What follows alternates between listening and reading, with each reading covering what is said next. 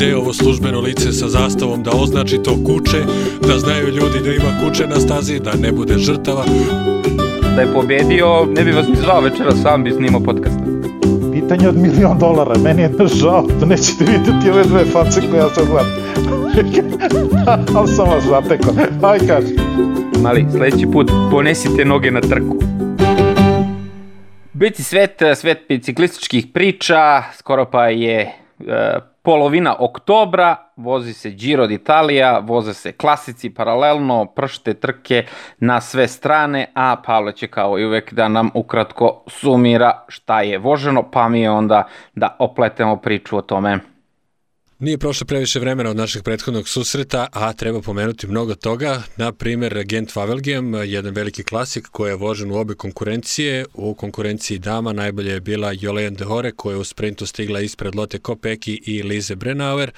Potom u konkurenciji muškaraca najbolji je bio doskorašnji svetski prvak Mats Pedersen. Stigao je ispred Florijana Senešala i Matea Trentina. Ovo je Pedersenu već druga pobjeda od kako nije svetski prvak u bojama pet kontinenta je ostvario tek jednu pobedu. Potom, istog dana, u nedelju je vožen Paris Tours, slavio je još jedan Pedersen, ovoga puta Kasper, kojem je ovo druga pobeda u karijeri, do prve stigao na trci oko Danske 2017. godine, drugo mesto je zauzeo Benoit Kozenfra, kojeg pamtimo kao vozača koji je nosio tačkastu majicu otprilike na polovini a, Tour de France-a. Takođe, vožena je, vožen je jedan mali španski klasik Prueba Vila Franca Orziako, timski kolega našeg Dušana Rajovića, Simon Carr je došao do svoje prve pobede u profesionalnoj karijeri i Potom stižemo do Đira, od našeg prethodnog susreta vožene su sedma, osma i deveta etapa. Na sedmo je slavio Arno Demar ispred Petera Sagana i Michael Matthewsa. Ovo je 13. triumf Demara ove godine, odnosno od izolacije, pa evo do sada od 5. augusta pa do danas i takođe ovu etapu pamtimo po tome što je nakon nje objavljeno da je Simon Yates pozitivan na koronavirus, on je nakon toga i odustao od daljeg učešća u trci. Potom osma etapa slavio je Alex Dowsett, njemavo 15. pobeda u karijeri, tek druga da nije na hronometru i devetu etapu u nedelju je osvojio Ruben Guerrero, stigao je ispred Jonathana Castro Vieja Guerrero ovo tek druga pobjeda u karijeri, pre toga 2017. slavio na a, državnom. U Roze Majici i dalje Joao Almeida, on je najbolji vladi vozač, Maju Čikleminu i dalje nosi Arnaud Demar, a Ruben Guerrero je s ovom, ovom etapnom pobedom došao i do majice namenjene najboljem brdašu i od nekih većih, važnijih vesti iz biciklizma treba reći da je, nažalost, otkazana jedan od monumenata, od velikih klasika Paris-Roubaix. Posebno je velika šteta jer je prosto trebalo ovo da bude prvo izdanje trke za dame. Ovo je prvi slučaj da se otkazuje još od 1942. godine. Samo da dopunimo Pavla, pošto Pavle čita ove pobednike, da kažemo da je i naš pobednik, e, šampion bivši Srbije, Dušan Rajović, vozio Paris Tour i da je 34. završi, da tek sad, rekao bih, proradi ovako na kraju sezone kad treba da kad je trebao da vozi Rube, mi smo najavljivali prošli podcast, ali nažalost eto od tad pa do sad, kao što reče Pavle, je to otkazano i trebala da bude prva trka za dame, ali ajmo da vidimo kako je prošla druga i kako super trka za dame, a to je Gent Wevelgem. E, pozdrav svima, e, samo da dopunim ovo što su rekli Pavle i Đorđe u vezi e, klasika Pariza, da je bila izuzetno teška staza i da se praktično niko od sprintera koji su se pojavili na stazi nije ovaj dio, nisu ni stigli u priliku da, da sprintaju, uglavnom su, ovaj, kao što vidimo na prvom mestu, klasičari i ljudi koji su više bolji u brdima, Cosnefroa koji, koga smo gledali na Tour de France da je 15 dana nosio tačkastu majicu je osvojio drugo mesto, a kolega Dušana Rajevića i, njih, i najbolji sprinter tima Eduard Grossu čak i nije ni završio, mislim trku Kokard je ovaj, ostao daleko iza Rajevića, Rajević je stigao sa 3,5 minuta prednosti, što kad kažete da je neko stigao 34. sa 3,5 minuta za ostatka, pardon, pomislio bi čovjek pa i nije neki rezultat. Na onakoj stazi, u onakoj konkurenciji, to je fantastičan rezultat za nekog ko je tek prvi put e, kročio u Pro Continental Tour. Što se tiče ženskog Gent Wavelgema, eto, jučerašnji dan je bio prebogat za nas, zato što nemamo tako puno prilika da gledamo uopšte naše vozače na stazi. Imali smo prilike da vidimo čak dvoje iz naše zemlje, s tim što, nažalost, zbog raznoraznih razloga, sad da nalazimo detalje, ženska trka je išla preko playera, nije išla direktno u etar, E, tako da smo mogli da odgledamo i ako ništa drugo u odloženom ovaj, e, u nekom odloženom izdanju i ja moram da na sav glas pohvalim našu Jeku Erić E, koja je vozila fantastično. E, Jeka Erić je opet, kažem, taj, taj neki rezultat kao šta 19, ajde nije ništa. Kako nije ništa, ona je stigla 19 sa 8 sekundi za ostatka, e, gde je imala na, tokom trke takav pad da je, eno možete videti na, na Twitteru objavila fotografiju svoje kacige koja je pukla Znači, e, nažalost, nagledali smo se prethodnih dana čak i na Gent Wavelgemu za muškarce nekoliko jakih padova gde su ovaj, vozači dobili jake udarce u glavu a, i to je postao vrlo ozbiljan problem na pogotovo ovo doba godine gde su svi putevi blago vlažni, stalno su bila neka proklizavanja na stranu i padanje na stranu. E, e, Jeka je se držala fantastično sve do e, tog presudnog brda Keleberga gde u jednom trenutku ima nagib 23%, stalno je bila u, vodećoj grupi, stalno je bila sa glavnom grupom, bilo je nešto malo begova u početku trke, ali to je sve vrlo brzo anulirano i praktično u, u posljednjem krugu gde se lomilo na nekih, mislim, 24 km od cilja, ona je na tom najgorem usponu zaostala sama, kaže 10 metara. Ja sam posle toga gledao eh, eh, na, na, na, na snimku, čak ne mogu reći ni da je bilo 10 metara. Bukvalno je sa 7-8 metara za ostatka za prvih 10 vozačica izašla na vrh tog ovaj, E, e, uspona i to je bilo dovoljno da više ne može da ih dostigne. Probala je i sama, kasnije se e, njoj priključila poveća grupa vozačica, međutim napred su otišle sve najjače vozačice koje, koje su u tom trenutku bile na trke, na, na, na trci, e, otišla je e, ova, Borgini, otišla je Kopecki, e, bila je tu i Lizi Dejnan e, i koje su se izuzetno brzo, izuzetno disciplinovano organizovalo u kružnu smenu i tu jednostavno nije bilo šanse da se stigne. E, tako da, po mom nekom mišljenju, Jeka je za mene lično pobednik ovog dana i, i evo još jednom čestitam u ime svih nas. A, ono šta se dešavalo na, na, na muškoj trci koja je e, vožena na istoj stazi, samo sa e, više puta prolaska preko ovog brda, e, pa evo da neka Pavle kaže koji su njegovi utisci sa ove trke. Ja bih samo da se na sekund vratimo na Jelenu, da prosto ovo što ona radi u samom svetskom vrhu su zaista velike stvari. Drugo, ona ima 24 godine, vreme radi za nju. Sledeće godine će imati priliku da sarađuje sa najboljom vozačicom na svetu ili jednom od par najboljih i apsolutno, eto, samo dovoljno reći vreme radi uh, za nju. Kad je reč o ovoj uh, trci, pa eto, ostali smo bez jednog velikog klasika, a dobili smo jedan zaista, zaista veliki, a, fantastično izdanje a, Gent Wavelgema za muškarce, koje je proteklo onako kako treba. Sama završnica je možda bila po, ne, po pod nekom, nekom, kako se to kaže, negativnom vožnjom između Vuta Van Arta i Matthew Van Der Poola, koji su bili najveći favoriti, koji su na kraju eto malo tu uh, zabrljali, ali bilo je dovoljno drugih vozača da tu trku načine velikom. U jednom trenutku odvojilo se njih recimo desetak, 15, koji su zaista jako dobro vozili.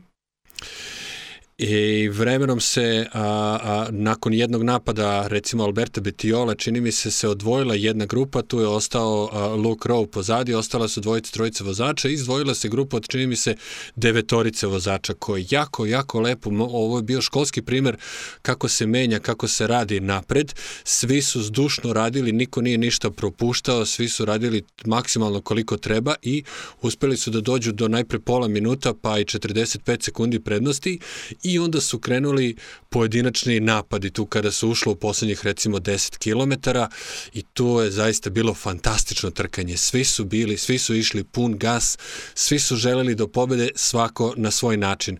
Pomenuti dvojac, je uh, motrio prosto jedan na drugog, rekao bih ponajviše Matthew Van Der Poel na, na, Van, na Van Arta, a Van Art možda još pre nego Peter Sagan, odnosno brže nego Peter Sagan je došao do tog epiteta, do te karakteristike da niko neće sa njim da radi.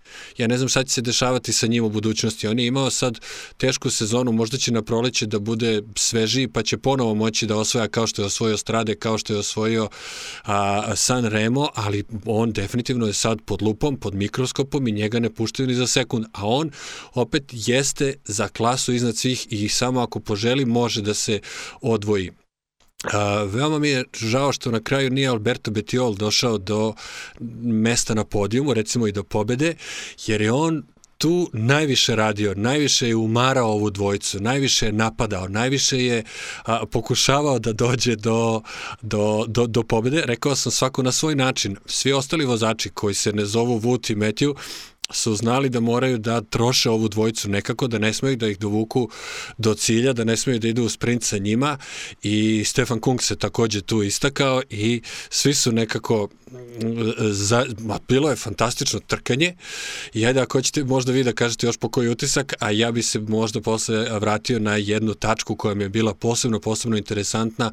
I mislio sam u tom trenutku da je to prelomna tačka za Vuta Van Arta, međutim Van der Poel je uspeo to kasnije da, da stigne ovo je baš bio pravi klasik, kao što kaže Pavle, jedan smo izgubili, a ovo je osokolio, što, kako ja nekad volim da kažem, a bilo je pravo muško trkanje i uh, prvi put da smo videli dvojicu vozača u, iz Dekoni Quick Step tima u toj prvoj grupi od uh, 9, 10 ljudi, koliko je bilo napred, i da nisu uspeli da triumfuju. Tu su bili i Lampier i Florian Senešel.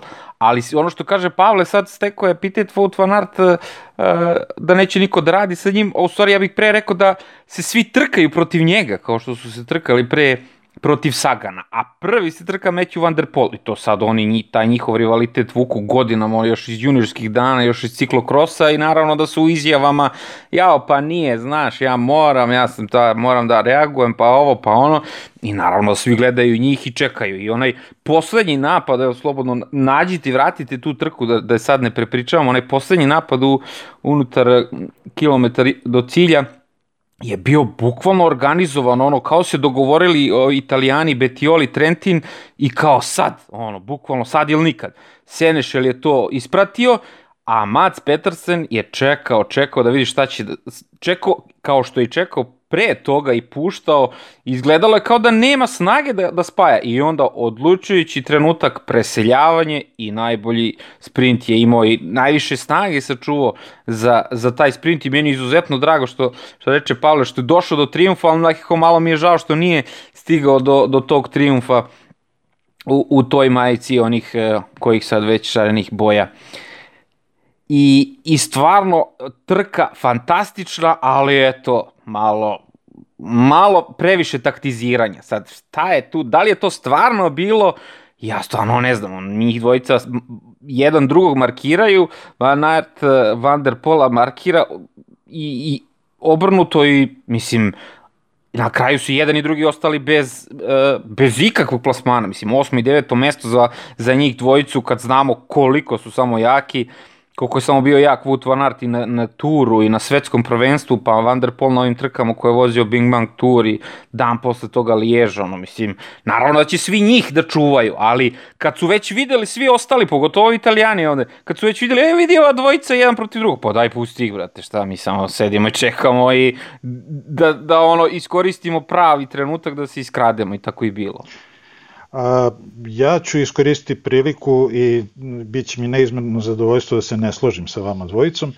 A, prvo, čovek koji je za mene najviše animirao ovu trku i od, od koga je sve krenulo i zašto smo gledali završnicu ovako kako smo završni, gledali, to je Trentin. On je napadao i na 20 km od starta, i na 30, i na 50, i na 70. On je konstantno napadao. On ja mislim da je izveo 7 ili 8 napada gde je pocepao peloton nekoliko puta. Zbog njega su svi e, sprinteri, pogotovo Kristof i Ackerman koji su došli ovde prilično naoštreni, Kristof je prošle godine osvojio ovu trku, ostali daleko, daleko iza. I e, ako je iko po snazi mogao da parira, e, e, ono, govorim zvanično, ne ono što se pokazalo na trci, no, kad pogledamo uopšteno, svi znamo Wout van Aert izuzetno jak, Matthew Van Der Poel je izuzetno jak, Trentin je barabar sa njima bio juče. Znači, čovek je jako, mislim, ne znam koliko će mu biti uteha to što je bio treći, što je ipak bio na podijumu, ali e, da je postojala neka nagrada za najborbenijeg vozača juče, on je morao da to nagradu dobije apsolutno jedan kroz jedan. Njega ponovo sprinta kao prošle godine na svetskom prvenstvu Mats Petersen, kad smo mislili da će Trentin da osvoje. Da, da, odlično si se setio odlično si se setio i tog, i tog detalja, što govori u prilog nečemu što, se juče, što smo juče mogli da, da vidimo kad podvučemo crtu kad se završila trka. Kao što si rekao Mats Pedersen, on je sve vreme bio u vrhu grupe, sve vreme je bio u prvoj grupi, sve, nikad nije, ni jednog jedinog sekunda nije zaostao kad se cepao peloton, on je uvek bio u pravom delu pelotona ali kao da je vozio u stealth, znači kao da je kao Sagan u najboljim danima. 200 i kusur kilometara ne vidiš ga na ekranu.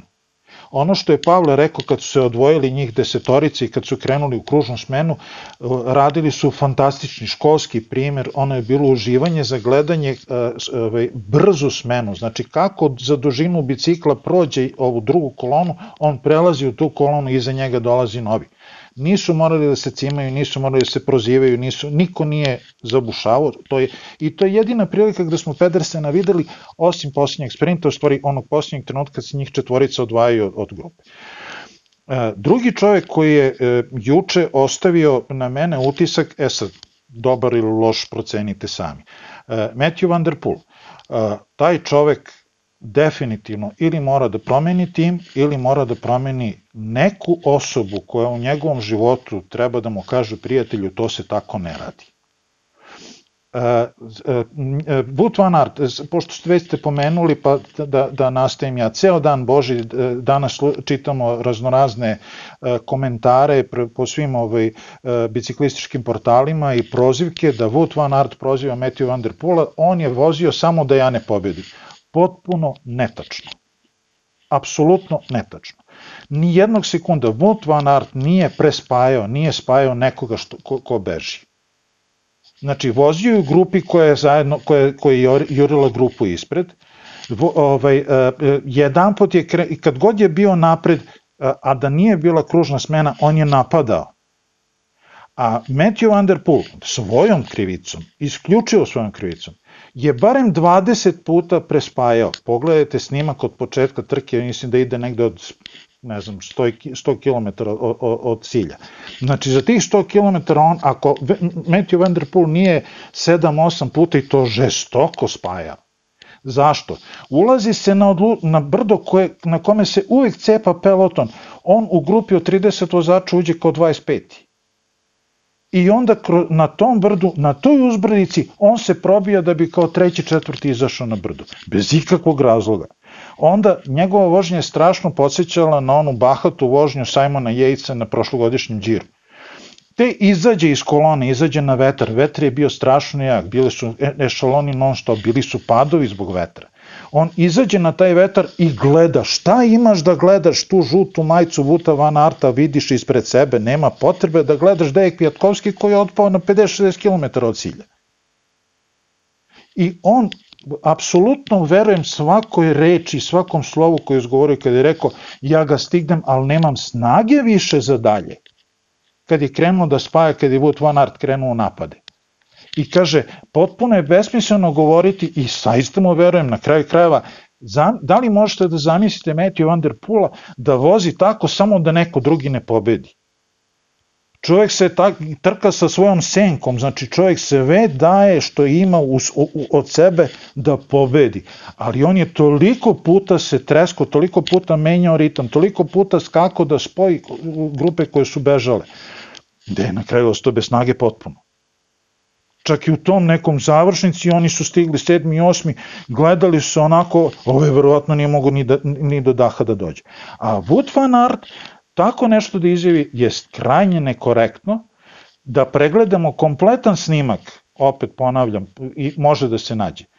Pogledajte snimak trke i merite vreme koje je Matthew Van Der Poel proveo na vrhu, ovaj, na čelu grupe, gde uopšte nije morao da vuče. Imao je svog čoveka u grupi. A ne, on vuče napred umesto da štedi snagu. Ja mislim da je verovatno najviše mislio na ovu samu završnicu gde je, što, gde zapravo ponašanje Vanderpula može da se protumači dvojako, a to je da on prosto nije imao ništa lično protiv Van Arta, nego je spajao samo kod napada najjačeg čoveka. Pa sad igrom slučaja taj najjači čovek je neko s kojim je ovaj razmenjivao zlatne medalje poslednjih 50 godina, mislim, na, i to u različitim disciplinama. Zbog toga ovaj stekao takav utisak utisak, zato što ni na jedan drugi napad Van der Poel nije odgovarao, što je negde taktički u redu da ti misliš prosto nečiji napad, ajde, neće da prođe. Nekad moraš da iskuliraš, da se ne upecaš, negde moraš da rizikuješ, zato nekad Alberto Betiol ode na Flandriji, zato nekad ode Niki Terpstra, a ovi vamo se gledaju za drugo mesto i mrze se i neću ja tebe da vučem, neće ti mene, neće, neće, neće, neće. I na kraju eto, njih dvojica su tako završili kao osmi i deveti iz te grupe, to mi je bila pomalo tužna slika, jer su stvar stvarno previše vodili računa jedan o drugom, jedan o drugom, vamo sve se već odigralo ispred njih, 200 metara ispred njih se sve već odigrala čitava frka, oni i dalje tu nekako ne odlepljuju se, ne, nema razlike dva metra između jednog i drugog. Pogledaj, Matthew Van Der Poel uzme, vuče grupu, znači bez potrebe, a za to vreme Wout van Aert i Michael Teuns iz njegovog tima se voze na kraju grupe i uživaju u zavetrini, čuvaju snagu jedini razlog zbog kojeg Matthew Van Der Poel nije konstantno skakao, pa čak on na kraju krajeva, pogledajte, u posljednjih dva kilometra nijednom on nije napao. Pa kad nije mogao? Nije imao kad? Nije mogao, pa nije mogao, bukvalno ostao bez duše, kažem, on je upo, sve, celu trku vozio pogrešno. Istrošio se maksimalno, on je u jednom trenutku imao čak svoja dva vozača u sebe koje nije, videlo se da nisu, čak jedno, jedno, u jednom trenutku jedan od njegovih vozača izađe na čelo grupe i uopšte ne razmišljajući koliko je ovaj umoran, ovaj je do tad već jedno pet puta spajao. Nabije pedalu i ode van grupe 30 metara. Sam vozi i da odlično ovaj e, da da odlično ovaj e, e, šlagvort Trentinu da napravi još jedan fantastičan napad.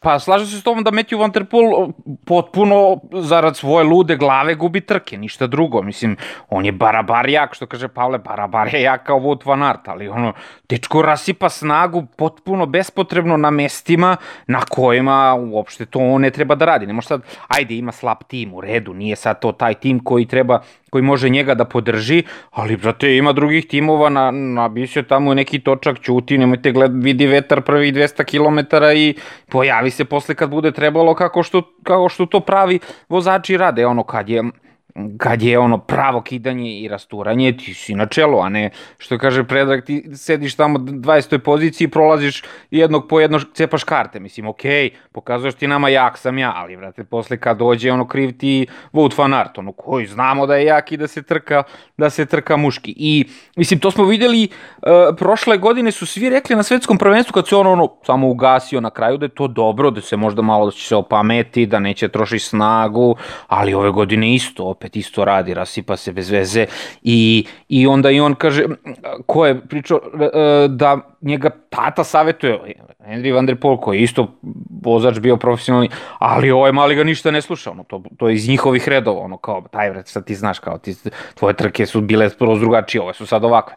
U redu ovakve su, ali taj malo, ono, si nemoj samo da prosipaš energiju bez veze. Pa jedno, na kraju krajeva Velon je verovatno uradio merenja kao i stalno, I e, palo mi je na pamet u vezi, u vezi toga da pravi stalno greške. E, palo mi je na pamet da samo da mu neko sabere koliko je vati potrošio u odnosu na pobednika, na Pedersena, i da mu kaže, vidiš, Pedersen je sa toliko vati, sa toliko snage bio prvi, a ti si potrošio toliko više i bio si osmi. Nešto nije u redu.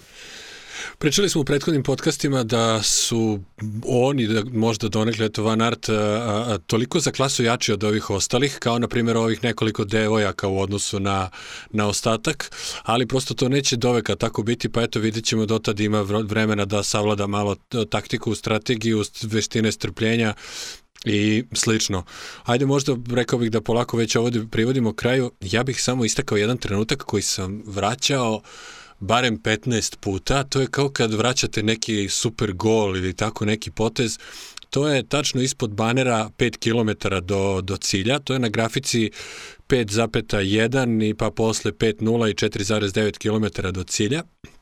Nakon jednog od napada Alberta Betiola, koji je bio u roze dresu, a ne u ovom kva-kva ovaj, dresu sa pikselima, A, pa je prosto eto prepoznatljiv, jer te, tek posle kad sam vraćao film sam shvatio da ja tog čoveka lako sam uhvatio, jer je on u istom dresu u, kojeg se, nam se, u kojem nam se i predstavio ovaj, na, na, na Flandriji.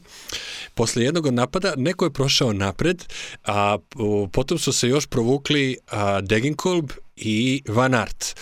Van Art je tu prošao kroz iglene uši, nekako prošao je sa unutrašnje strane a, Betiola, koje kao što sam rekao a, a, bio napao pre toga, pa se tu malo izduvao i on je dakle gubio brzinu, gubio snagu.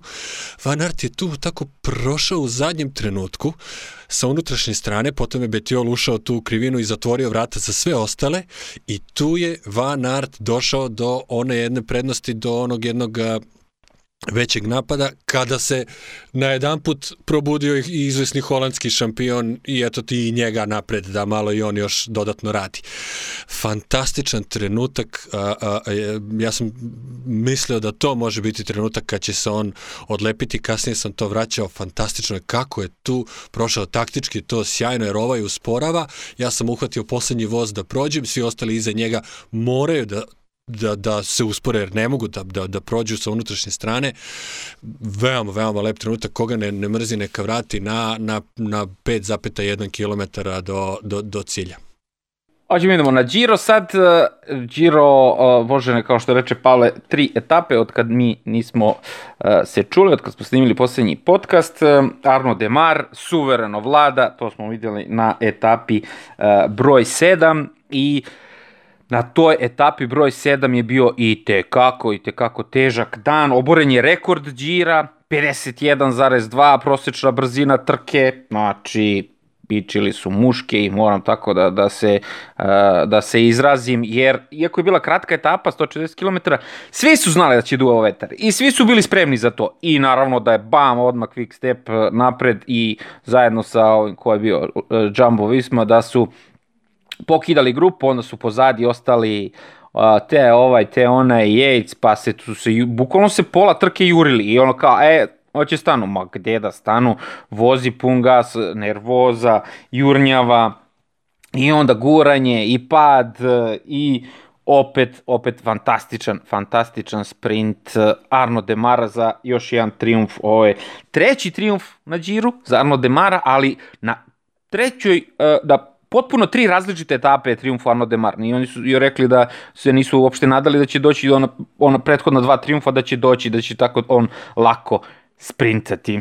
Tako da je to samo, rekao bih, uh, moramo da naglasimo, jako Demar uh, izuzetno jak, a i mi pominjemo onu trku na trkama ove sezone, uh, državno prvenstvo Francuske, gde Arno Demar kao jedan sprinter, on, tako hvata na brdu ala Filipa koji eto sad vić. Mi znamo da je on trenutno svetski prvak, znači Arno Demar sprinter na brdu hvata svetskog prvaka i sprinta ga i on dečko, svaka ti čast, ono, i, i ova treća etapa na Giro, rekao bih možda tek početak, još par ima tu dobrih etapa za sprint koja mislim da će on, ono, levom nogom da, da odradi. Pa mislim da ovo što si pomenuo, taj, opet stalno, stalno pominjamo to, to je verovatno ta završnica francuskog državnog prvenstva, e, nešto što bi trebalo da uđe u špice sportskih emisija i da, da se gleda iznova i iznova. Isto kao i što je Gana osvojio onu, onu etapu na Tour de France, znači visoki, veliki ljudi, teški ljudi počinju da voze brda i to da voze apsolutno neshvatljivo dobro, mislim to.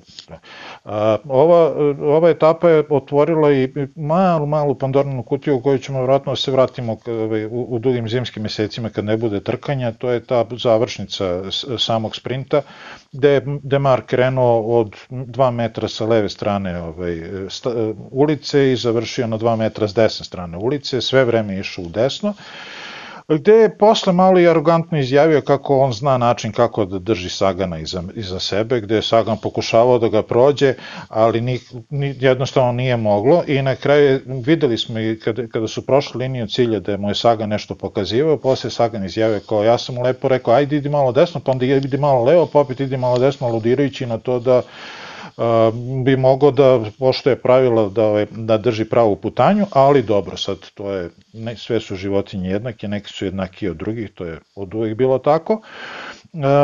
Meni na, ovo, na ovoj e, etapi e, nemam neko specijalno, ovaj, e, ne, neki specijalni utisak, osim toga da Saganu očigledno nije, nije problem u snazi, nije više ni problem ono što smo ga prozivali pozicioniranje, da kasno kreće i da, da uradi sve što je, što je kako treba, međutim e, cela filozofija e, trkanja Bore se pokazala e, pogrešnom već sutradan na osmoj etapi o kojoj ćemo pričati još malo.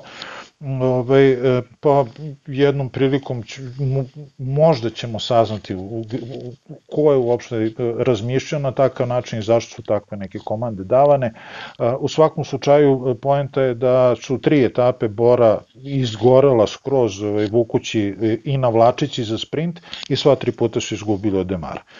Ne znam, skoro sam slušao neki od, od, od podcasta i ne znam ko je od, od svetskih biciklista rekao kada ovaj, formiraš, kada ti izađeš na čelo kolone i kada izađeš na čelo pelotona i udaraš jak ritam, to radiš samo zato što si siguran da je tvoj vozač najjači. očigledno je bilo, ako ne posle prvog dana, ono bar posle drugog da Sagan trenutno nije najjači u pelotonu, oni su nastavili trećeg dana, E onda im je bilo čet, krivo kad četvrtog dana na osmoj etapi niko nije teo da vuče.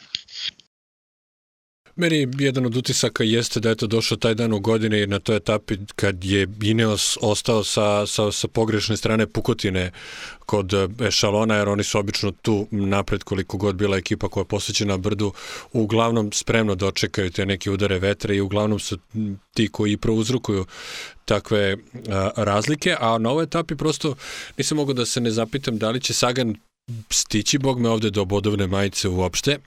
Nekako a, a, prosto trebamo odati priznanje koliko se bori i ovde nam ostaje još jedna veoma interesantna borba, znamo koliko je a, njegova bitka sa Semom Benetom zapravo a, začinila ovogodišnji tur. Nekako zaboravljamo da je on tu već posle otprilike desetog dana, posle 10. 11. koje već etape smo mi manje više znali da će Sagan jako, jako, odnosno izuzetno teško da dođe do, do te zelene majice. On se borio do poslednjeg, do poslednjeg na, na, na jelisijskim poljima. Dobro, nije imao više šanse matematičke, ali se borio, borio i borio i borio.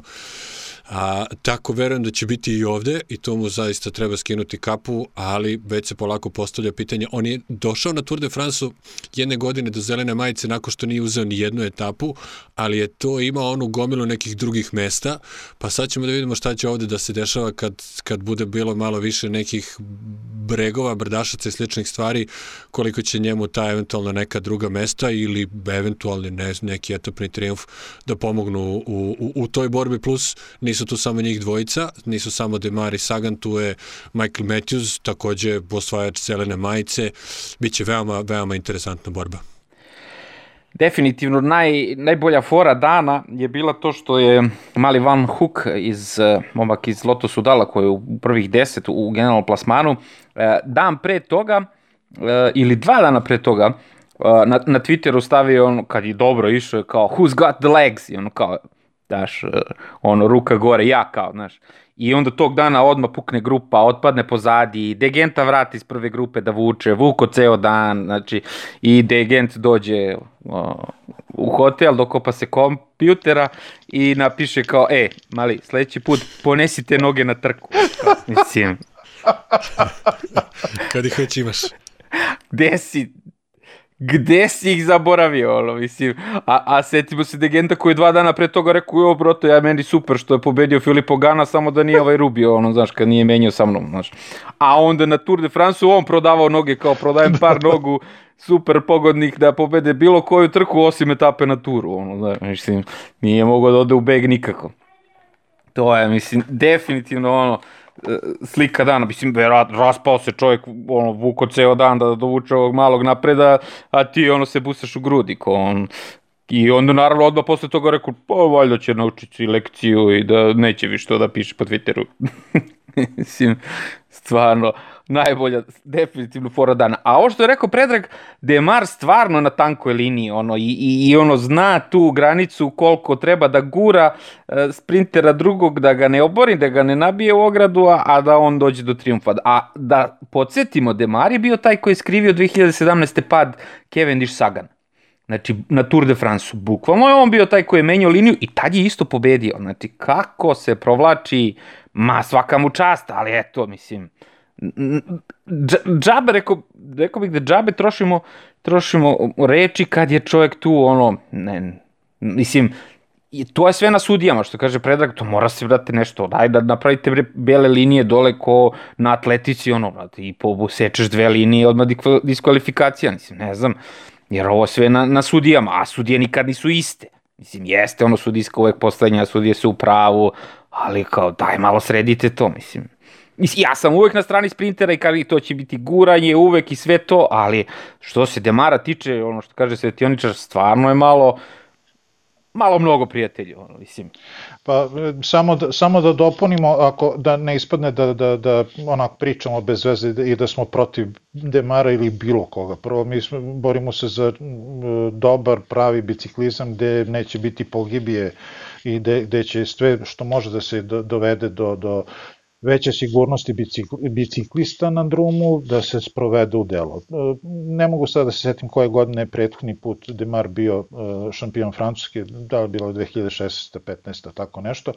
E, pronađite na internetu finale trke te godine i pogledajte kako je Demar pobedio Buhanija i bit će vam jasno šta u stvari Demar vrlo često radi i e, dobro na, lo, na lokalnom, aj kažem na francuskom nivou, on je tamo, ima status malog boga, možda je sad malo Ala Filipa ugrozio, ali e, i bilo je e, e, pogotovo u Francuskoj nešto ni Bohanija ne, ne mirišu previše ovaj, i bilo je jasno da će proći to tako kako prolazi, međutim on se navadi i to radi sad i po drugim trkama što kaže Đorđe, možda on vidi tu neku granicu koju mi ostali ne vidimo i tu granicu ne pređe, pa samim tim čak nema nikakve ni zadrške među sudijama, da on kažu razmislili su, uvećali su, pa su odlučili. Ne, to prolazi kao najnormalnija stvar ali lepo, su, lepo piše pravilnik, ovaj, ne sad zašto neki mogu da ne puštuju to, neki mogu to, nije pitanje za nas. Hoćemo pređemo na osmu etapu. Osma etapa, uspešan beg, dugačka etapa, 200 km, uh, možda, mnogi su prozvali taj dan odmora za grupu, pošto je bilo koliko ono, skoro 15 minuta prednosti za, za begunce. Pavle već reče da je posle toga, uh, dan pre toga uh, je imao simptome i da je uh, testiran pozitivno na koronu, ovog dan nije startovao i ozbiljan beg i Izrael Startup Nation, uh, sa dva vozača napred i odlična taktika.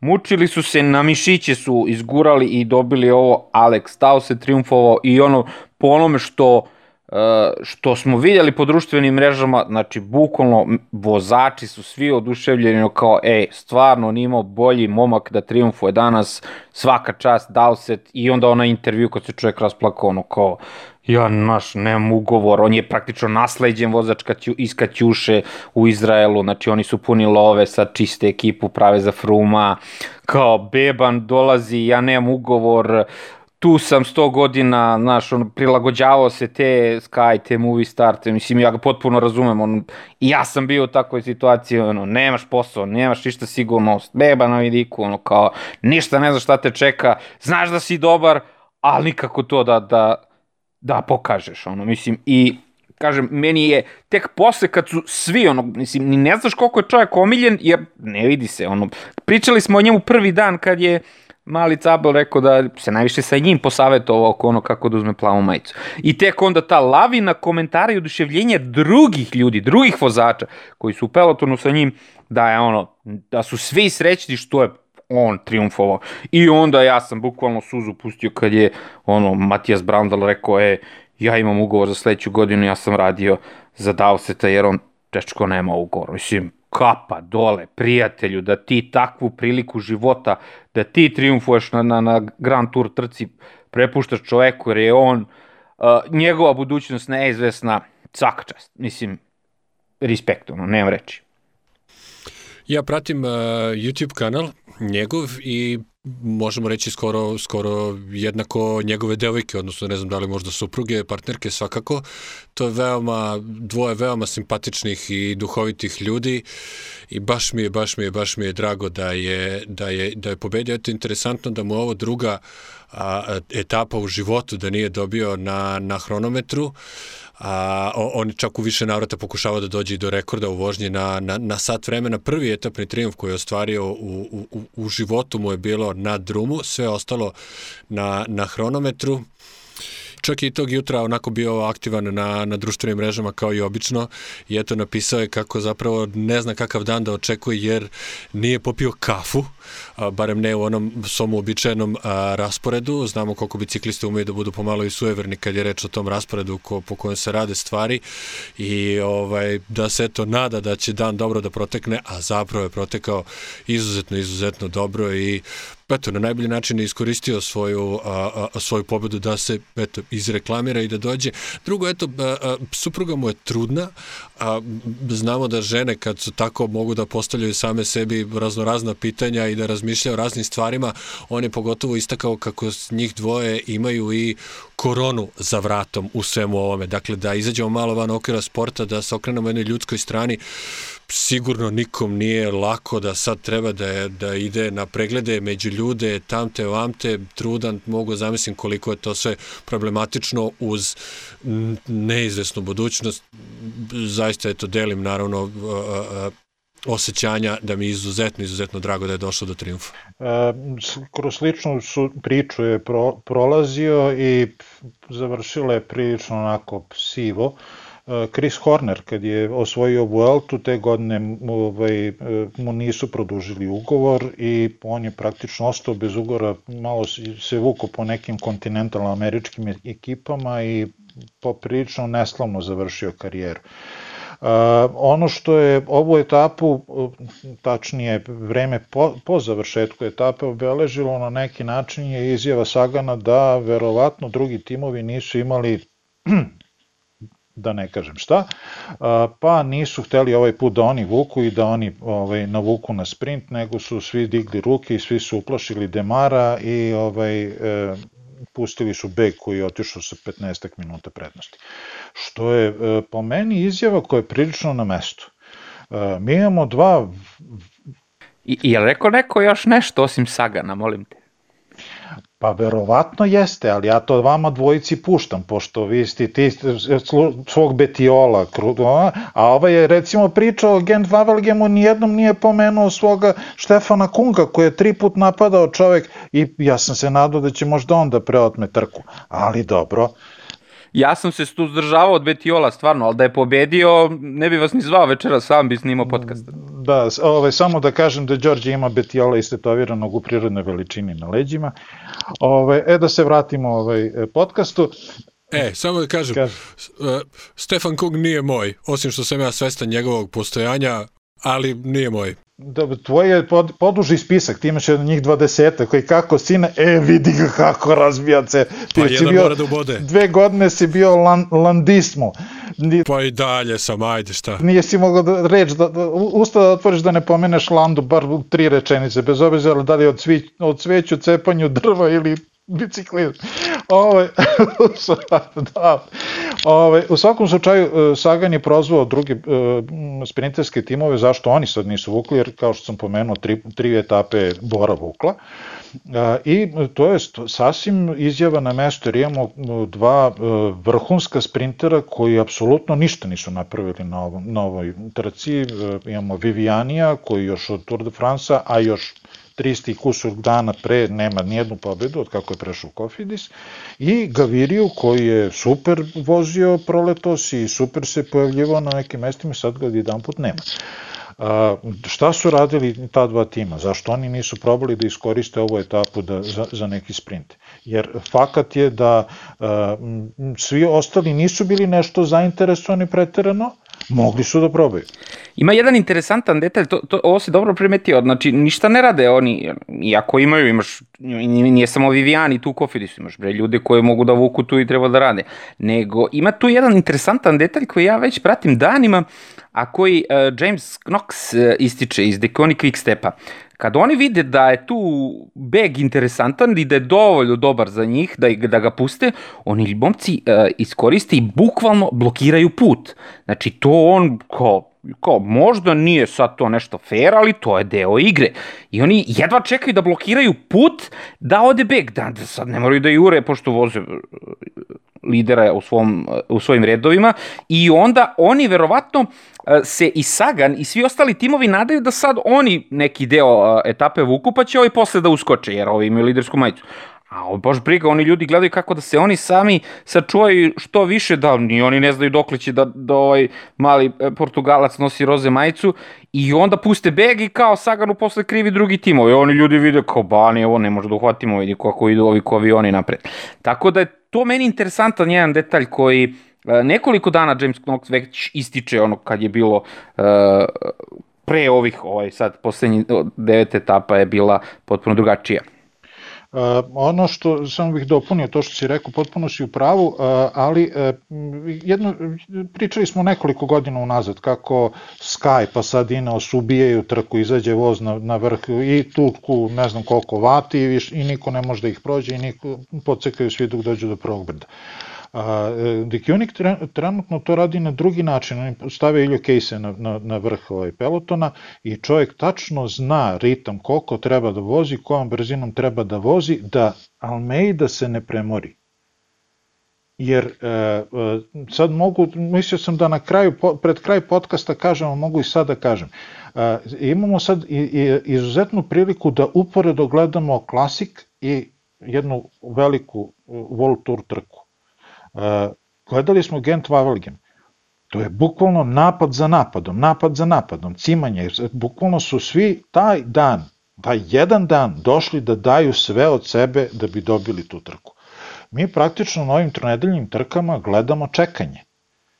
Čeka jedan drugog, gleda jedan drugog, svi gledaju da uštede što više snage za tu treću nedelju, niko ne napada, nema trzanja, više zabave ima od potpuno do juče nepoznatih vozača, Evo, već imamo tri ili četiri vozača koji su osvajali etape za koje verujem da većina prat, ljudi koji kod nas prate biciklizam nisu nikad čuli.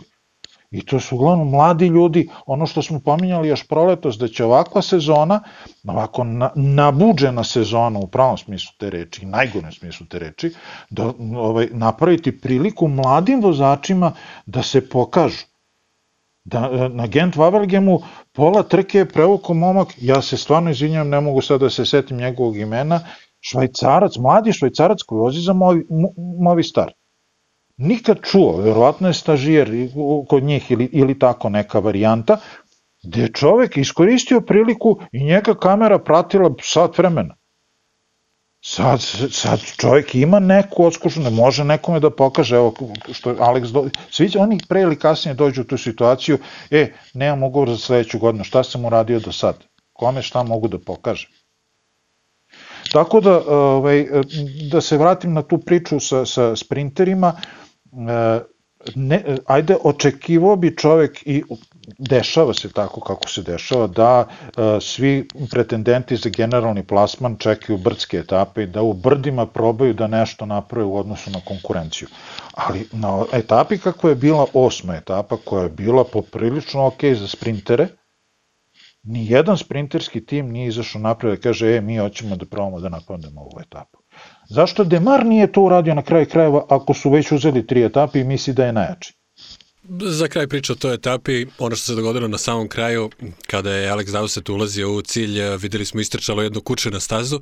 Ja sam očekivao sad da će da gori Twitter, da će svetioničar da podigne dževu, pa šta radi UCI, gde je ovo službeno lice sa zastavom da označi to kuće, da znaju ljudi da ima kuće na stazi, da ga ne zgaze, da ga zaobiđu, da niko ne padne, da ne bude žrtava, pa šta radi ta, oni samo njima čarape pa čarape, pa njima samo novac u glavi i tako. Ti znaš da sutra dolaziš kod mene da tovariš drvo. Ako dolazim. da, ajde da pređemo na Ajde. sledeću etapu. Mislim da su svi bili sentimentalni prema onom džukcu što nije imao jednu nogu jedan. da je, zbog toga niko nije se... No, a, ne, ali obrati, pogledaj ti da koliko se u Italiji dešava da, da psi izleću ovaj, e, biciklistima pod nogi se desilo i Saganu, ona žena sa kučetom je, je na, na, na Tireno Adriatiku izlašla na hronometru, Znači, ajde sad da ne nabrajamo slučajeve, ajde da pređemo na sledeću etapu, kišna brda u dalekoj Italiji. I još jedan dugačak dan, etapa broj 9, brda ohoho, koliko je bilo tu nekih 4 km vertikalnog penjenja. 208 km kiša, ovo je uh, nagovestilo možda šta će biti u onoj u toj trećoj nedelji, ali Portugalac triumfovao Ruben Guerrero, Education First Team, Patak Dres, znači svaka čast. Portugalac posle i malo i osigurao uh, roze majicu, tako da su ovde na ovom džiru sada Portugalci uh, novi, novi Slovenci. A Guerrero kad je ono, prošao liniju kroz cilja, videlo se da je ono, kao, da, je, da će da izvadi pištolj i onda da, da pobije sve kakav je pogled imao i kao konačno ja triumfujem i e, moram da kažem da on e, dolazi iz poznate e, familije u Portugalu koja najpoznatija familija u Portugalu za uzgajivače bikova u koridi. To je izuzetno, izuzetno tamo važno e, zanimanje u tom delu sveta i oni su na, na ozbiljnom glasu i njega čak zovu tamo portugalski Valverde, baš zbog toga što je neverovatno jak, ali eto nekako nije imao sreće do sada da mu se, da mu se sklope, da mu se sklope kockice, ali eto na ovoj etapi bio je jači i ono što kaže Pavle uh, za Ala Filipa ti sad svetski prvak, ali mi smo barabar, tako da je bio i sa ovim iz Ineosa uh, malim kako sad se zaboravim kako se zove? Castro. Uh, Castro Viejo Castro Viejo, da, Castro Viejo ti si sad čovječe iz Ineosa, ali baš nas briga mi smo barabar s tobom i videlo se kao da je Castro Viejo kao, e, Vuko je sad i ja sad treba da pobedim, kao pa koga sad to još, još briga, tako da meni utisak, Portugalci bukvalno novi Slovenci, a Ruben Guerrero posle praktično i priznao da nije mnogo radi u toj, na toj etapi jer prozvao ga je uh, Larry Vorbas kao taj dečko vozio si kao ono pip i ništa nisi radio u toku, u toku tog dana, a Guerrero onako iskreno na kraju rekao, e, ja sam to radio prethodnih godina, vuko sam kao konj u tim uh, begovima kad sam bio i svaki put sam ostao kratkih rukava. Sada, izvinite, ja sam se štekao koliko god sam mogao i to je deo igre, ono kad kaže James Knox, mi zatvorimo put pa ne može niko da beži pa nama lakše, a njima oni nek se nerviraju, tako i ovo. Mislim, ja nisam video da je to bio sad neki između njih razgovor, ajde da ga oni teraju, ajde na smenu pa da on sad stalno sedi pozadi, to se negde nije videlo, ali e, šta je sad još jedna situacija tu da Velon, koji snima sve ovo, pa mi one kamere i to, da Velon čak ima sa tih kamera i, i audio dobar da može da, da snimi šta vozači pričaju među sobom. I onda kao da sad i jedni između drugih kao da Larry Warbas kao čekao je novinare da kaže novinarima da ne bi to bilo posle snimili pa pustili pa mislim aha tamo vamo. A, Larry Warbas je pustio Bu prethodni dan da je, uh, kad je Fuxland, ne prethodno, na sedmoj etapi, kad je Fuxland dobio defekt, da je trek krenuo napred i da ide da diktira tempo, znači preneo Fuxland, pa je tu malo dolio vatru na taj, na taj odnos Nibali Fuxland, tako da u žiži interesovanja Portugalci, ali i ono Lari Varbas kao prijatelju Amerikanac, ko ti kriv što si ti vuko, pa nisi imao snage za kraj. Mislim, sve je to deo biciklizma. Sad, ne može tu niko da bude pametan, je li ovo dobro, je li ovo nije, mislim... Meni je na ovoj etapi nešto što sam, malo mi bilo sumnjivo, pa sam malo bolje zagledao, pa se na kraju ispostavilo kao možda i tačno. Nibali više nije jak kao što je bio i Nibali je više strah autoriteta koji se zove Nibali nego neko ko će stvarno uraditi nešto na ovoj trci, mada sve su mu se karte, karte poklopile i na papiru trebao bi da bez većih problema uzme ovu trku. E, međutim, na ovoj etapi se videlo, prvo na prethodnoj etapi što si sad pomenuo, taj, taj e, e defekt bio jako besan posle ove e, e, etape i rekao je, postoji nepisano pravilo kada je pretendenti na generalni plasman plasman imaju defekt da se uspori i kaže kad sam prolazio, kad je na kraju stigo, videli smo kako je bila jurnjava niz ono brda, kad je na kraju stigo, kad je prolazio pored Nibalija, rekao sam mu pri, sledeći put kad budeš išao na WC, pripazi šta će da se desi. U, u fazonu prikoči malo, ja ću da dam gas. Znači, e, ovaj, više ono, ruka, bez rukavica, nego sad ide ono, što bi se reklo, ulički šibanj. A, što se pokazalo i na ovoj poslednjoj etapi koju smo gledali, ta, e, poprilično tačni, Fuglsang je ukrao Nibali u 14 sekundi. Na, plan, na, na, na, brdsko, na brdskoj etapi, a, gde su svi uslovi bili za to da Nibali sad ono pojede, ja sam mislio sad će da se približi, da, da otkine 30 sekundi svojim glavnim kandidatima, međutim ne, Fuglsang je stigo 9 i Nibali je stigo 13 14 i koje već, ove, i 14 sekundi mu je Fuglsang uzeo. Nibali bi trebao, ne znam, ne znam u stvari zašto ne bi uradio ako, ako je dovoljno jak. Zašto ne bi sad na toj etapi iskoristio tu priliku, bio je jako težak dan, bio je jako loš dan, pola vozača se ono posmrzavalo usput. Neću sad da pomenem opet vozača koga često pominjem i ko mi je natrljao no zašto mora da stigne 15 minuta pre svoje konkurencije kad već gubi vreme. Ove, ali e, e, on, jako mi je drago što, što i dalje gledamo e, etape na kojima pobeđuju ne kandidati, tipa ne, ne pobeđuju oni koji su najviđeni. Znači, dok je kod sprintera se uglavnom svodi priča Sagan, Demar, Matthews, dotle na ovim svim etapama gde, koje nisu sprinterske, uglavnom pobeđuju iznenađenje. I još jedna stvar, u, u, ono, kad se podvuče sa crta, a, toliko smo žalili kao i ce, dobar deo bicikliškog sveta što je Geran Thomas otpao. Taj Ineos sad ima. U posljednje tri etape imaju jedno četvrto i dva druga mesta. To možda nije, ne znam koliki uspeh za e, ekipu koja je došla da obavezno uzme celu trku, ali pogledajte, kad je Salvatore Pućio bio posljednji put na nekom podijumu? Kad ste ga videli? Nikad. Kad je Kastrovjeho, oni su svi dovedeni kao radnici, znači to su ljudi koji otprilike na 2 km pred cilja otpadno i zdravo dovuku se neko do cilja, po etapama i mnogo ranije. Ali sad se desilo da se ljudi bore za plasman i Ben Swift je na, na sedmoj etapi bio četvrti, Znači, kad se sve sabere, oni su i tekako ekipa koja je stalno prisutna, stalno su tu.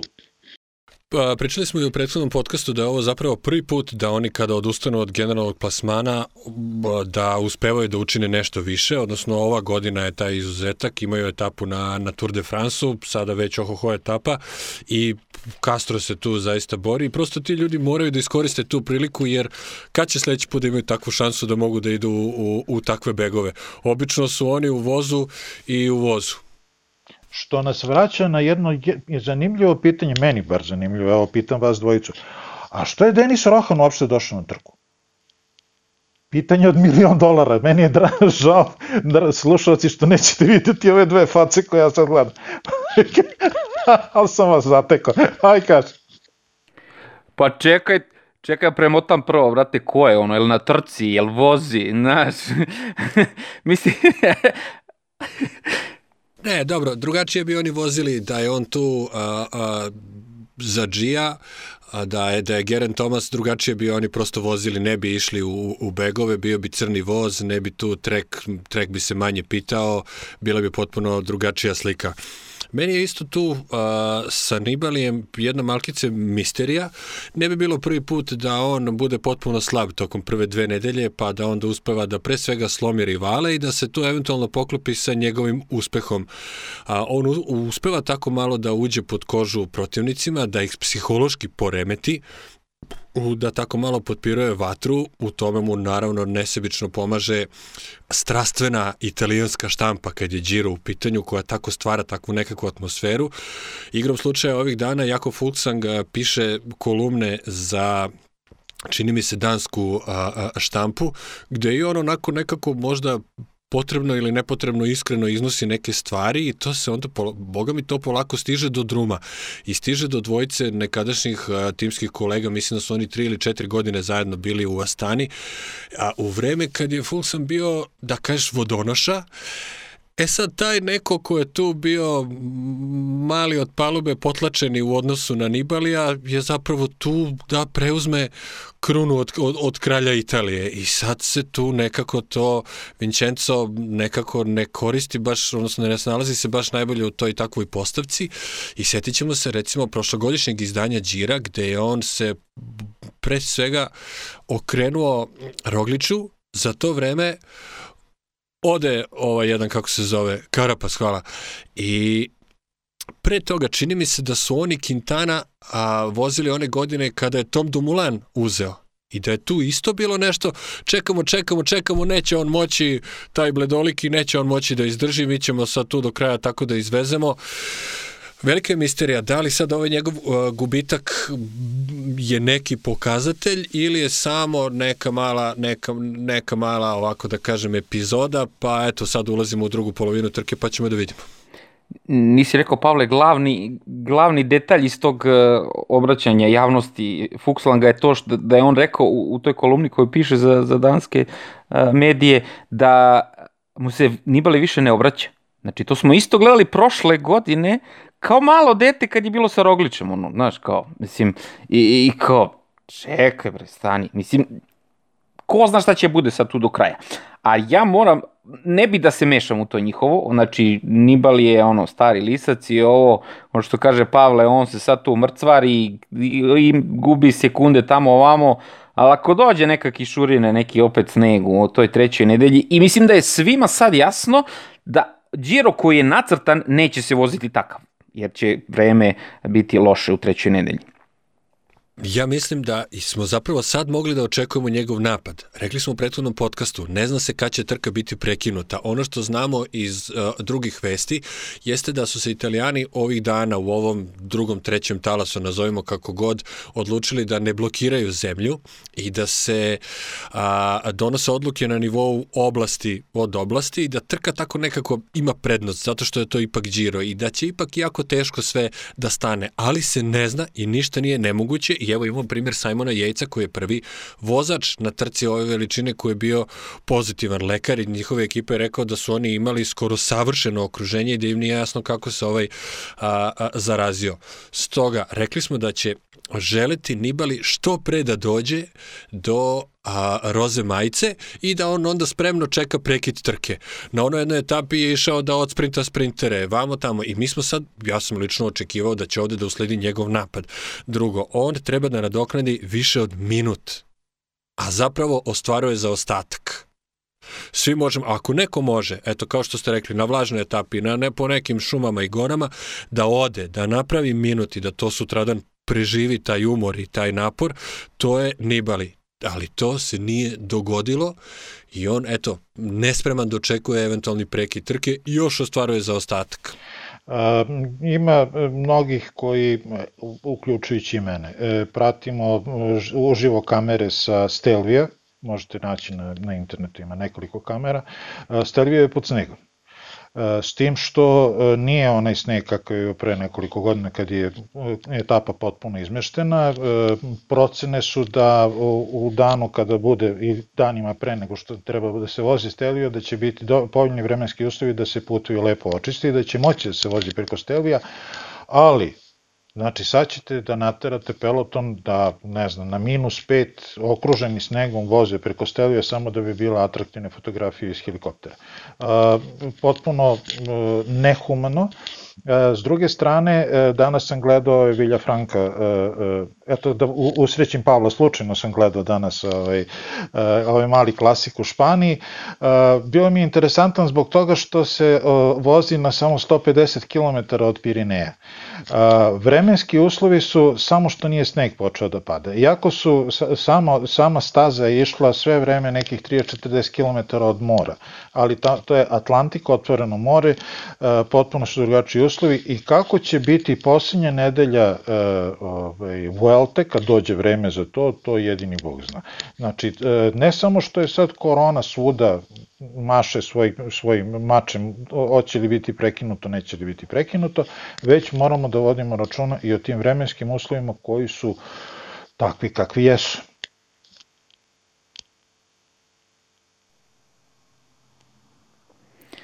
Korona baš, baš nema milosti, ono, ja sam trebao da idem da gledam i, i Flanders i prvo trebao sam trebao da idem da gledam Rube i sve sam uplatio i sve ono i hotel u aprilu kad je bilo i bilo ono tamo hotel ne znam koliko skuplje ono 15-10 evra. Jeftinije ono ako hoćeš ako mo, da imaš opciju da otkažeš, rekao, ono, kao, ma de da se otkaže, pa ovo se vozilo za vreme drugog svetskog rata, ono, kao, klikći to, idemo, gledamo rube, znaš. I onda posle mučuk neće hotel vrati pare, drž, ne daj, zovi booking tamo, ono, ja lupim datum, kao, ajde, prebaci bi tamo kraj oktobra 18. A rezervisam hotel u Briselu.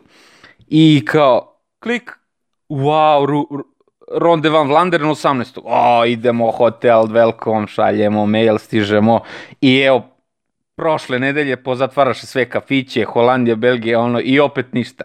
I tako je ovo sad, ko zna kako će bude u Italiji. Sad i vremenski uslovi, i, i korona, i, ko, mislim, ono što kaže Pavle, Nibali ako će triumfova mora što preduzme majicu. E, a ja moram samo da, da naglasim još jednu stvar.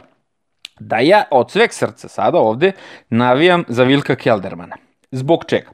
Zato što uh, dečko koji piše na sajtu uh, Bici svet, Dimitrije Partonjić, čitali ste dosta njegovih tekstova, koji sad studira, pa ne diže glavu dan noć od, od knjige, navija za Vilka Keldermana, pa ja mislim, a vi to ne znate, više nego što Svetioničar navija za Sagana. I sad pre neki dan smo, pre neki dan smo tu dopisivali, ono kao, šta da ti kupim ako Vilko Kelderman pobedi Giro i onda on kaže, ja mislim da, kaže, samo ja i njegova majka nismo digli ruke od njega, ono, bukvalno, znači, on navija godinama, znači, nije to juče, nego godinama, ono, Milko Kedraman ima pehova i pehova i polomljenih kosaka i, i ko zna čega sve ne da ono, misliš da će saći abatali i on se dečko vraća i mislim da je on u velikoj prednosti baš zbog tih svih pehova, da je, da je u poziciji kao pogačar, da nema šta da izgubi. Znači, svaka pozicija njemu sad ovde ogroman dobi, dobitak posle svih tih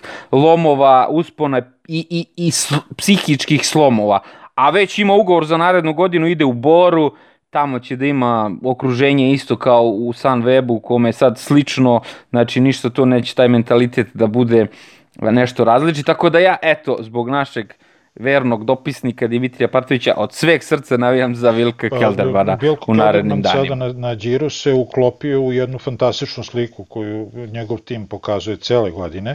E, kad pogledate koliko smo ih prošle godine prozivali kao ništa prazno šupljani, od Nemila do Nedraga. Ove godine zaista voze fantastično i e, interesantna stvar je da na sad na ovom džiru e, najveće uspehe im donose ljudi koji na kraju sezone odlaze. Matthews je uzeo četvrto mesto i treće mesto i već ne znam koje, on vraća se kući u Australiju i vraća se u Mitchelton Scott, Kelderman ide u, ovaj, u Boru i opet dolazimo u tu neku paradoksalnu situaciju kao što je bilo sa Domulanom. E, čovjek koji ti najviše donosi, koji ti pridonosi, ti ne ulažeš u njega, ali to im očigledno prolaze, imaju sad brdo tih klinaca koji su, verovatno, najveći broj njih je budućnost svetskog biciklizma, tako da njihova budućnost kao tima nije ugrožena, opet je taj neki malo paradoksalni, paradoksalna situacija da ljudi koji su ti u jeku snage i koji su postižu svetski priznate rezultate, odlaze ti zato što ti, ili ti nećeš da produžiš s njima ili oni neće s tobom. Nešto na toj relaciji ne ide kako treba. A tebe bi, Đorđe, zamolio, nemoj da slučajno planiraš odlazak u Italiju ili, ili u Španiju u narednih mesec dana da se završe ove trke. Pa tamo negde od decembra meseca ide đaći, sreti. E, pojavila se nedavno priča da se Sunweb, koji je ostvario zaista veliki uspeh na Tour de France, da su tokom priprema a, razmatrali razgledali a, rutu tura i da je tu svako imao pravo, odnosno zadatak da osmisli kako bi na kojoj etapi mogli da napadnu, šta bi na kojoj etapi mogli da rade, šta bi otprilike moglo da se dešava na trci u tom trenutku vezano za generalni plasman, koliko će a, ekipu nosioca žute majice da interesuje odbrana od begova, koliko će da puštaju begove, koliko neće, šta će da se dešava. I eto, jedan zaista simpatičan podatak, jer nije nemoguće da je to dalo uspeha, znamo da su zaista figurirali i da su zaista začinili ovogodišnji tura. Što se tiče tog polaganja nada u mlade snage, nije nemoguće da je to bilo i otpuštanja Toma Domulana i rastanka od njega, nije nemoguće da je bilo pod pritiskom sponzora ne direktnim, već prosto zbog manjka novca. Nikada ne znamo šta se iza zatvorenih vrata dešava, znamo koliko puta ekipe budu na korak od gašenja, raspadanja, pa se nađe neki sponsor, pa ovakav, pa onakav. Mi nikada ne znamo da li neki sponsor smanjio budžet, pa su oni rekli, ok, mi ćemo sad malo da raspustimo ove, da vozimo sa klincima par sezona, pa onda ćemo 2020. da razvalimo na, na, na, na dva Grand Tura i tako eto. Oni komotno mogu na Vueltu da pošalju pionire, oni su na dve, na dve velike trke napravili ohoho uspehe, pogotovo ako Wilko Kelderman osvoji Giro. Oni komotno, kažem, na Vueltu mogu podmladak da pošalju neki razvojni tim.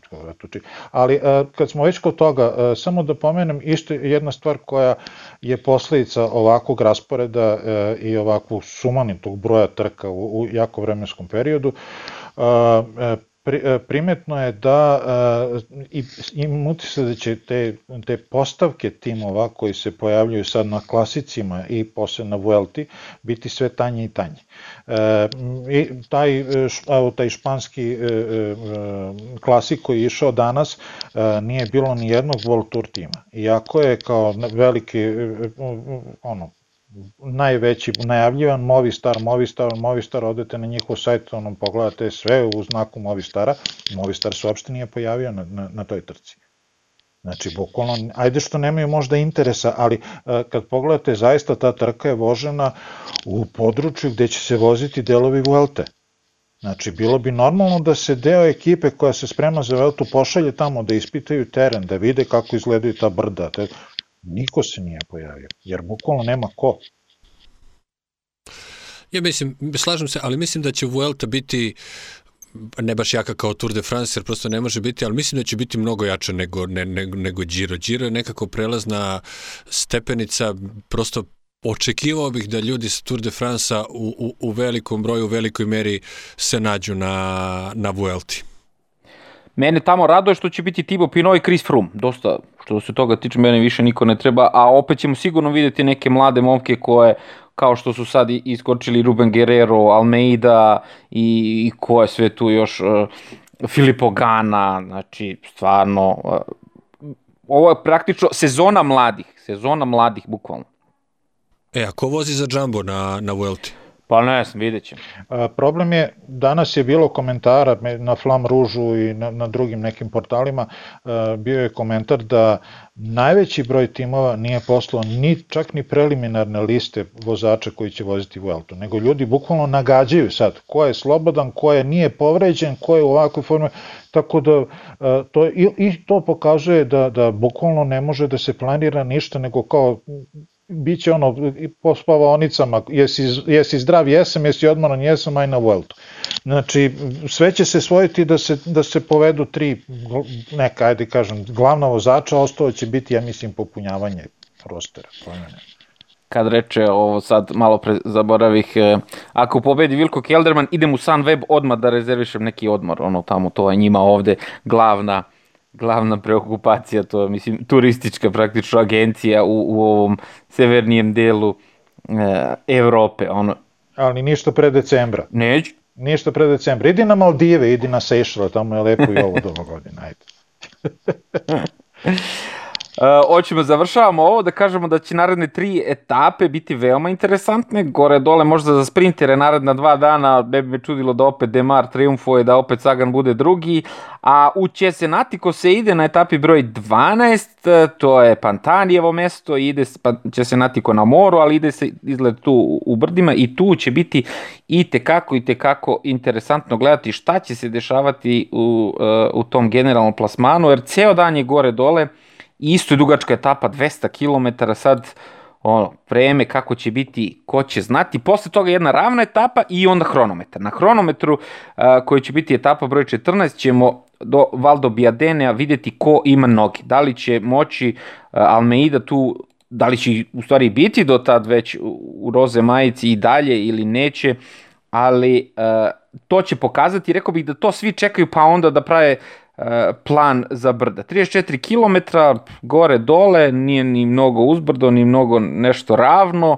ali mislim da će na toj etapi koja je praktično uvodna u, poslednje, u poslednjih šest dana, gdje od tih šest dana imamo uh, 4-5 dana u brdima. Sad, niko ne zna kako će izgledati Giro u, u tim brdima i šta će se tu odvijati. Uh, još nešto za kraj? Pa, slučaj Mark Cavendish. Oj, daj, nemoj čoveče, ja sam se rasplakao danas. E, hvala, bo, hvala bo. pa, svetioničaru. Pa dobro, jeste mučeni, stvarno. To... Ne, ne, ne, ovaj, e, ja sam gledao sve napade Marka Cavendisha na Gentu Wavelgemu i uh, bilo je divno gledati ga. Uh, on je pa dve trećine trke proveo na vrhu pelotona u, tom begu koji je bio prilično jak, prilično uspešan beg. Uh, međutim, prejaki su bili ovi koji su jurili pobedu i uh, stigli su ih možda nekih 40-50 km od cilja. Ali jeste bilo potrebno, to ću prepustiti Đorđu da kaže, ovaj, pošto je Đorđe plakao danas uz računar i nakvasio tastaturu i upropastio pola tehničkih crteža tamo koje je radio, razlile se boje. Ne, a, video sam juče izjavu. Znači, video sam juče izjavu a, koju je kao dao sporci, možda je ovo poslednja trka u mom životu, ok, ono, znaš, kao ajde, što kaže svetioničar, ajde, red radi. Međutim, tek jutro sam, on, a, a, tek jutro sam video kako je on dao tu izjavu. Znači, čovjek plače, znači meni su same suze krenule bukvalno, ono kao shvataš da je on dečko trkač, da on više voli da se trka ono što se kaže nego leba da jede. On, on je najveći sprinter na svetu i, i on je znao verovatno pre početka ovog event Vevelgema tu činjenicu i svim srcem je odvezao to i onda na kraju njega su pukla emocije, kao, je li moguće da, znaš, da ja više neću okačiti broj na dres, znaš, ono kao, i čovjek, ono, plače, jedva je sastavio tu jednu rečenicu da kaže, ono, bukvalno, znaš kao ono, nekad gledaš ove političare pa imaš transfer blama, ovo je meni bilo transfer njegovih njegove tuge i, i, i emocije, ono kao, bukvalno, ni, nisam, je, iskreno nisam mogao da, da, da zadrži suze kad sam video njega, onako kao, jel moguće, znaš, kao, pa, znaš, i onda ja se, nije trebalo ovako se završi, ali ko te pita, to je život, to je to. Pavle, vratit ću ti za ovo. A, bilo bi idealno da je mogo u nekoj baš sprinterskoj etapi da u sprintu, pa čak i da ne pobede, bude drugi, treći, pa da, da, da karijeru su mu o, o, o, ovaj, e, obeležili sprintevi, nije se desilo, on je na, na Gent Fabelgemu koji je mogo da se završi možda i sprinterskim nekim finišem e, probao, da je bukvalno da sve od sebe i to e, nema zbora, znači nema reči zamerke, na kraju krajeva poprilično dugo smo e, e, nismo videli neka njegova dobra izdanja ili nije završavao ili je završavao daleko od, od akcije u finišu. Tako da ako ništa drugo e, bio je pred, pred očima i kamera i, i, i ljubitelja biciklizma pa jedno dva, dva i po sata sigurno dok je, dok je trajao taj beg, dok je pobegao. I ako odluči da, da je ovo kraj nek mu je sa srećom ostavio je trag i to je to šta sad da se radi. Na kraju krajeva Bradley Wiggins je, je ostavio, posljednja etapa mu je bio Pari Rube koji ja mislim da nije beš ni završio. Sve je bolje nego da je prošao kao Thor Hušvod u, svoje, u svom posljednjem sprintu, tako da hvala ti za trkanje, hvala ti za sve što si pružio svih ovih godina i nek ti je srećno u nastavku karijere koja god je. Pa možda ipak nije nemoguće da mu ovo nije poslednja trka, koliko se zna prema njegovom programu trebalo je da vozi uh, Scaler Priest, te je ostvario i prvu profesionalnu pobedu. Gent Wavelgem mu je izmicao sve godine i, i, i želo je tu da učini nešto više. Uh, A, Rod Ellingworth se oglašavao ovih dana i rekao da su u toku pregovori da Cavendish produži svoj ugovor sa Bahreinom. Ono što je poznato jeste da je McLaren, koji je istrpeo poprilično zbog korone, otkazao a, a, svoj udeo u sponzorstvu Bahrein McLarena za narednu sezonu, a znamo da je a, Cavendish zapravo tu dovukao McLaren zbog svojih prethodnih a, veza sa njima.